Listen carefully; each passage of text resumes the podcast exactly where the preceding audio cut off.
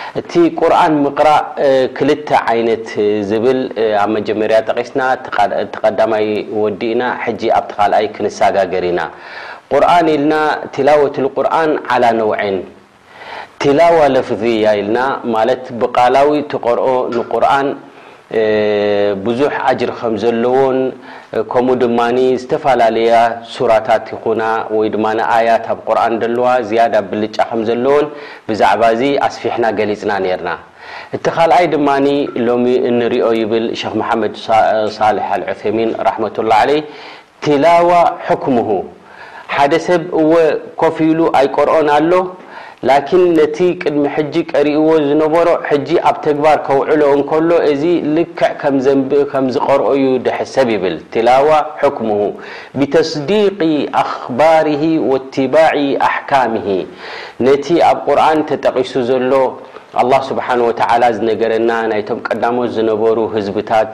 እንታይ እንታይ ሰናይ ተግባራት ድሰርሕዎ እንታይ ከኒ ናብ ጀና ደብፅሖም ከምኡ ድማ ነቶም ነቢያት ዝፃረሩ ዝነበሩን ወይ ድማ መንገዲ ናይ ነቢያት ገዲፎም ካሊእ መንገዲ ሒዞም ዝኸዱን ዝነበሩ ድማ እንታይ ዓይነት ሳዕቤናትን ኣብ ኣዱንያ ናብ ኣኼራን ከም ዘጋጠሞም ረቢ ስብሓን ወተዓላ ዝነገረና ተስዲቅ የኣኽባሪሂ እዚ ቁርኣን እዚ ብዙሕ ነገራት ናይ ዝሓለፉን ናይ ድመጽእን ዝዛረብ ስለ ዝኾነ ብዛዕብኡ መጺኡ ዘሎ ኣብ ቁርኣኒል ከሪም ዩሰዲቅሁ እዚ ሓቂ እዩ ከኣኑ ራእየል ዓይን ብዓይንኻ ከም ዝረኣኻዮ ጌርካ ትኣምኖ ማለት እዩ ወትባዕ ኣሕካሚሂ እዚ ቁርኣን እዚ ድማ ብዙሕ ኣሕካም እዩ ዘለዎ ንደቂ ሰባት መምርሒ ዝኸውን ኣብ ነንሕድሕዶም ከመይ ዓይነት ርክብ ክገብሩ ከም ዘለዎም፣ ሃገር ምስ ሃገር፣ ህዝቢ ምስ ህዝቢ፣ ውልቀ ሰባት ምስ ውልቀ ሰባት እንታይ ዓይነት ኣካይዳ ክኸዱ ከም ዘለዎም ንኹሉ ዝሕብር ዝኾነ ኣሕካም ናይ ሰላት ድዩ ናይ ስያም ድዩ ከምኡ ውን ማየተዓለቕ ብተውሒድ ድዩ ኩሉ እዚ መጺኡ ዘሎ ነዚ ኣብ ተግባር ዘውዕል ዝኾነን ፍዕለን ሊልማእሙራት ወተርከን ሊልመንህያት፣ ነቲ ተኣዚዙ ዘሎ ዝትግብር፣ ነቲ ተኸልኪሉ ዘሎ ድማ ዝኽልከል እንተድኣ ኮይኑ፣ እዚ ነቲ ቁርኣን እዚ ኣብ ተግባር የውዕሎ ኣሎ፣ ኣናበበን ኣብ ተግባር ዘውዕል ዘሎ እዩ ዝሕሰብ ማለት እዩ። እዚ እዩ ከኣ እቲ መጥለብ።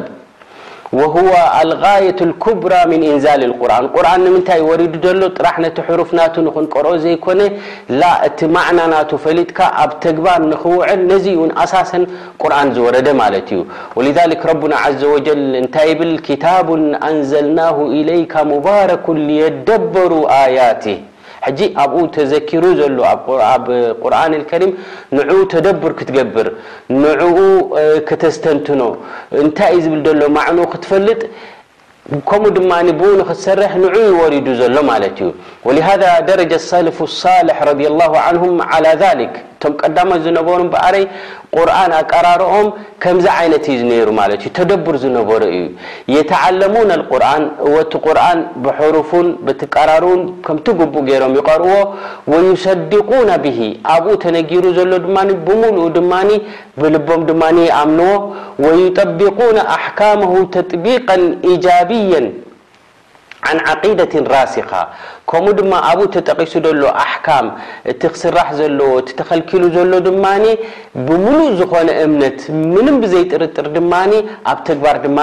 የውዕልዎ ነይሮም ማለት እዮም ወሊዛሊክ ኣቡ ዓብድራሕማን ኣሱለሚ ዝተብሃለ ራሕመቱላህ ዓለይህ እንታይ ይብል ሓደሰና ኣለዚና ካኑ ዩቅሪኡነና ልቁርኣን እቶም ቁርኣን ዘቅርኡና መሻይኽ ስኒ ከምዚ ኢሎም ይነግሩና ይብል ከም ማለት ከም በዓል ሰይድና ዑስማን ኢብኒ ዓፋን ወዓብድላህ ኢብኒ መስዑድ ወቀይረሁማ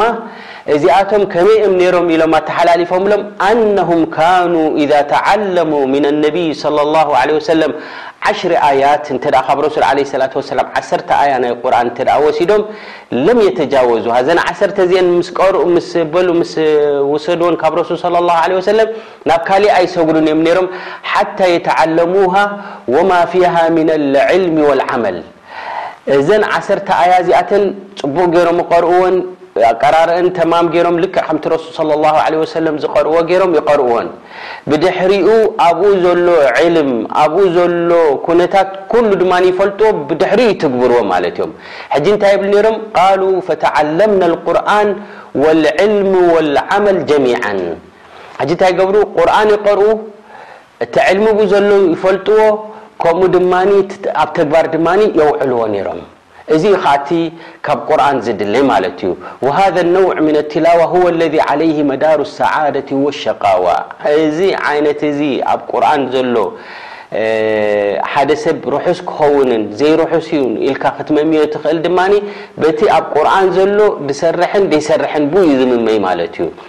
እቲ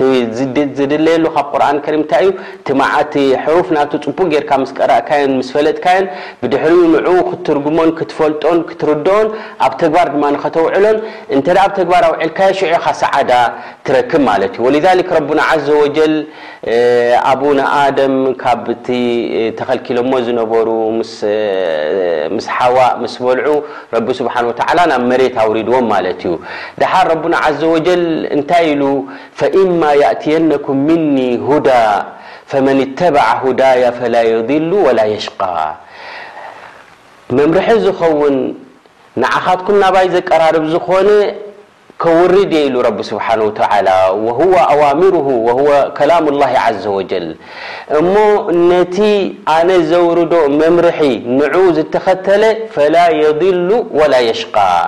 ናብ ጥፍኣት መንገዲ ኣይከይድን እዩ ናብ ቅርስስና እውን ኣይከይድን እዩ ሰዒድ እዩ ክኸውን ማለት እዩ ርሑስ እዩ ክኸውን ግን እቲ መምርሒ ናይ ረቢ ስብሓን ወተዓላ መጺኡ ቁርኣን ወሪዱ ነዚ ገዲፉ ናብ ካሊእ ዘበለ ወመን ኣዕረደ ዓን ዚክሪ ፈኢነ ለሁ መዒሸተን ደንካ እንተ ነቲ ቁርኣን ገዲፉ ናብ ካሊእ ገጹ እንተ ዘማዕዱ እንተ ኮይኑ ላኪን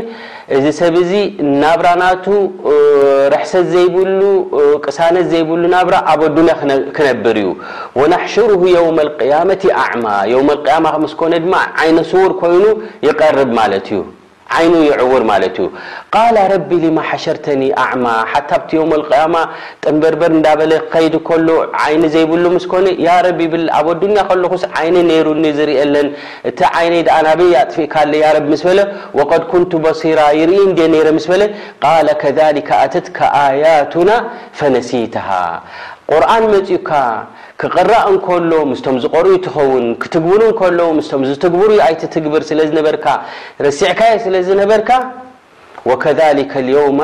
ቱንሳ፣ ከምቲ ዝረሳዕካዮ ሎሚ ድማ ተረሲዕካ ኢኻ። ምስቶም ኣሽቕያእ፣ ምስቶም ርሕሰት ዘይረኸቡ፣ ምስቶም ቅርስስና ዝረኸቡ ሰባት ምስኦም ኢኻ ትኸውን ይበሃል ማለት እዩ። ወከዛሊካ ነጅዚ መን ኣስረፈ ወለም ዩእሚን ብኣያቲ ረቢ፣ ኩላ ግዜ ካብቲ ዓቐን ዝሓለፈ፣ ካብቲ ረቢ ስብሓነሁ ወተዓላ ዘምጽኦ ወሰን ዝወጽእ ዝኾነ እዚ ዓይነት እዚ እዩ።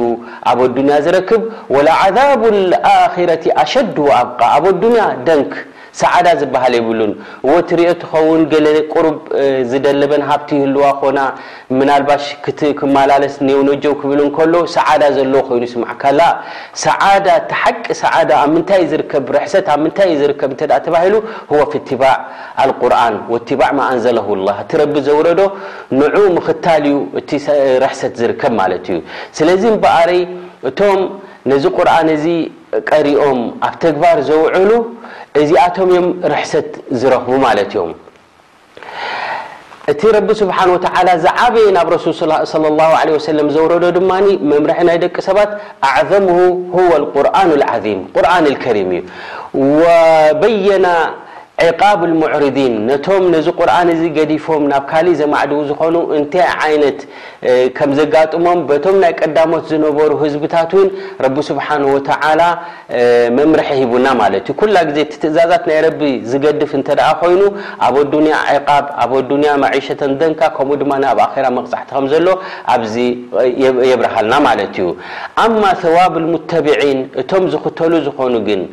ነቲ ቁርኣን እቲ ወሪዱ ዘሎ ብትኽክል ገይሮም ቀሪኦም ኣብ ተግባር ዘውዕሉ ዝኾኑ ግን ኣላሁ ዓዘወጀል ነፋ ዓንሁሙ ዶላል ጥፍኣት ዝበሃል የብሎምን ሸቃእ ዝበሃል የብሎምን ርሑሳት እዮም ዝኾኑ ማለት እዩ በል ኣብ ኣዱንያን ኣብ ኣኼራን ድማ ረቢ ውሕስነት ገይሩሎም እዩ እዞም ሰባት እዚኣቶም ሱዓዳእ ክኾኑ ማለት እዮም እቶም ትዕቢት ዘለዎም ንቁርኣን ዘይክተሉ ብኡ ውን ዘይሰርሑ ዝኾኑ ድማ ኣብ ኣዱንያን ኣብ ኣኼራን ርሕሰት ከምዘይብሎም ረቡና ዓዘወጀል ገሊጹልና ማለት እዩ ወሊዛሊክ ኣላሁ ዓዘወጀል ብዛዕባ ነቶም ቁርኣን እዕራድ ዝገብሩ ቁርኣን ክቕራእ ከሎ ምስቶም ዝቐርኡ ዘይኮኑ ከምኡ ድማ ተግባር ናይ ቁርኣን እዚ እዩ ረቢ ስብሓነ ወተዓላ ሓላል ዝገበሮ እዩ እዚ እቲ ረቢ ዝኸልከሎ እዩ ክበሃል እንከሎ ነጺጎሞ ዝኸዱ እዚኣቶም ጥፉኣት ምዃኖም ረቡና ዓዘወጀል ኣብ ቁርኣን ጠቒሱ ኡላኢካ ከል ኣንዓሚ በል ሁም ኣደል ኢሉ እዚኣቶም ከም እንስሳታት እዮም ኢሉም በል ካብ እንስሳ ውን ዝበኣሱ እዮም ምክንያቱ እንስሳ ንዝተፈጠረትሉ ዓላማ ትፍፅም ኣላ ማለት እዩ እዚኣቶም ግን ዝተፈጠርሉ ዓላማ ረቢ ስብሓን ወተዓላ ዝሃቦም መምርሒ ብኡ ክኸዱ ዝግብኦም ስለዝገደፉ እዚኣቶም ካብኣት ካብተን እንስሳታት እውን ይኸፍኡ፣ ደባኣሲኦም ኢሉ፣ ኡላኢከ ሁሙል ጋፊሉን፣ እዚኣቶም እዮም እቶም ዝንጉዓት ዝበሃሉ ኢሉ ረቡና ዓዘ ወጀል ኣብ ሱረቲል ኣዕራፍ መበል ሚእትን ተስዓን ሸውዓተን ኣያ ገሊጹልና ማለት እዩ። እዘን ካብ ቁርኣኒል ከሪም ዝርሕቕ እንተደኣ ኮይኑ ሓደ ሰብ ኣብ ኣዱንያ ወሁዋ ፊ ኣብ ኣዱንያ ኣብ ዲቕ እዩ ዘሎ ወፊ ቀብሪሂ ፊ ዲቕን ወደንክ ኣብ መቃ ኣብ ቀብሩ ምስ ኣተወ እውን እንታይ እዩ ዝኾን ማለት እዩ ኣብ ጸቢብ እዩ ዝነብር ማለት እዩ ቀድ ዱይቀ ዓለይሂ ቀብሩሁ ሓታ ተኽተሊፍ ኣድላዑሁ ክሳብ መሰንገሊኡ ነንሕድሕዱ ዝመሓላለፍ ድማ መቃብር ናቱ ድማ ትጸብብ ማለት እዩ ወሁወ ፊ ሓሽሪሂ ኣዕማ ላ ዩብሲር የውም ኣልቅያማ ምስ ኮነ ድማ ዕዉር ኮይኑ ድማ ዓይኒ ዘይብሉ ኮይኑ ድማ ይሕሸር ማለት እዩ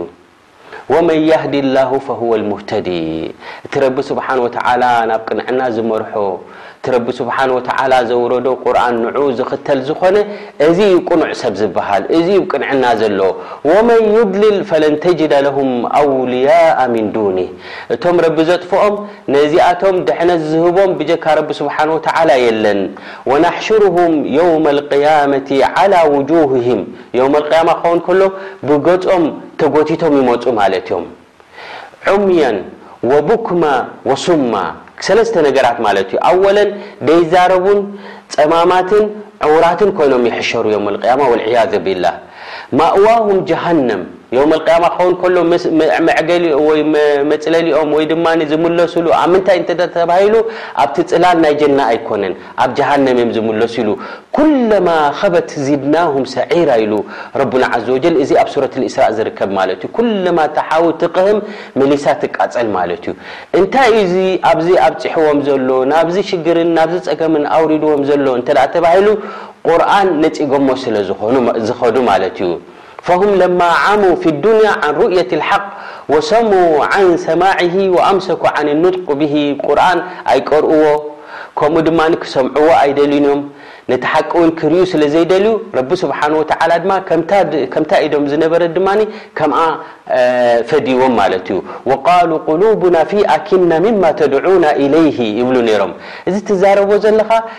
ልብና እኮ ወላ ሓንቲ ምስኡ የለን ኣይንሰምዓካን እና ዕጹው እዩ ልብና ይብሉ ነይሮም ኣብ ኣዱንያ ከለዉ ወፊ ኣዛኒና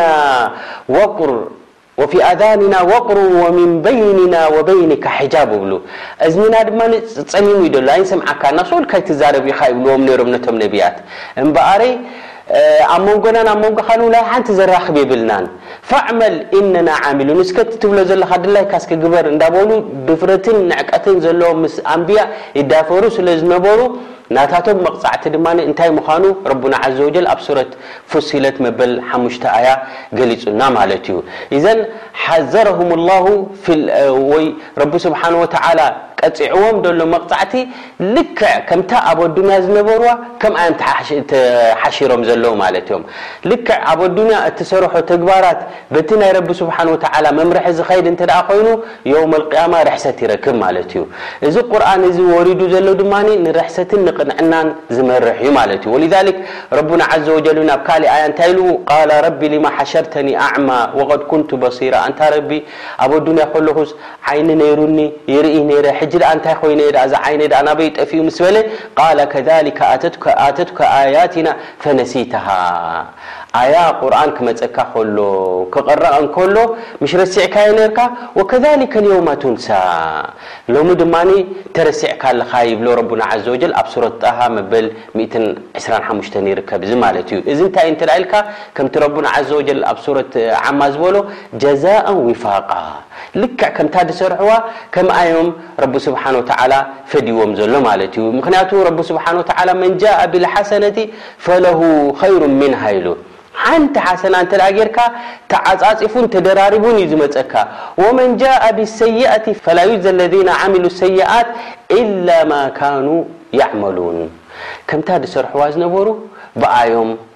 ዝፍደዩ ማለት እዮም ወሊዛሊክ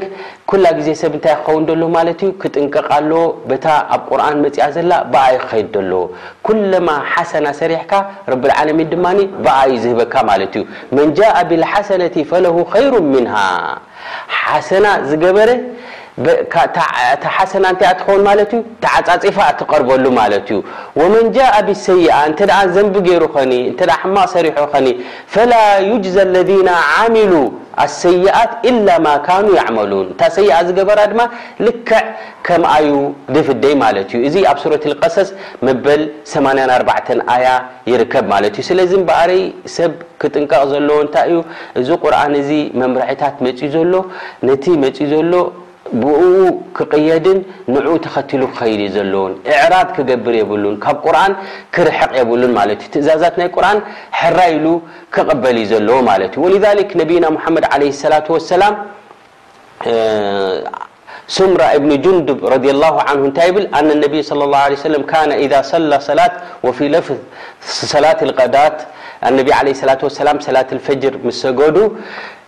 ናብቶም ሰገድቲ ገጾም ምስ መለሱ፣ ኣዝካሮም ምስ ገበሩ፣ እንታይ ይብሎም፣ መን ረኣ ምንኩም ለይላ ሩእያ፣ መን ኣሎ ሎሚ ሩእያ ዝረኣየ፣ ኢሎም ኣነቢ ዓለይሂ ሰላቱ ወሰላም ይሓቱ ማለት እዮም። ቃለ ፈኢን ረኣ ኣሓድ ኣሓዱን ቀሰሃ፣ ዝረኣዮ እንተ ኣሎ ኮይኑ መናም፣ ንነቢ ዓለይሂ ሰላቱ ወሰላም ይነግሮም ማለት እዩ። እንተ ዝረኣየ ዘየሎ ድማ ኣይረኣናን ይብሉ ማለት እዮም። ፈነቢ ዓለይሂ ሰላቱ ወሰላም ሓደ እዋን ሓቲቶሞ እሞኒ ዝረኣየ ሰብ ኣይነበረን ኢሎሞም ኣነቢ ዓለይሂ ሰላቱ ወሰላም ላኪኒ ረኣይቱ ለይላ ኣነ ግን ሎሚ ለይቲ ዝረኣኽዎ ነገር ኣሎ ኢሎም ክልተ ሰባት መጺኦም ሒዞሙኒ ይኸዱ ይብል ይብሉ ነቢ ዓለይሂ ሰላቱ ወሰላም እንጠለቅና ደሓር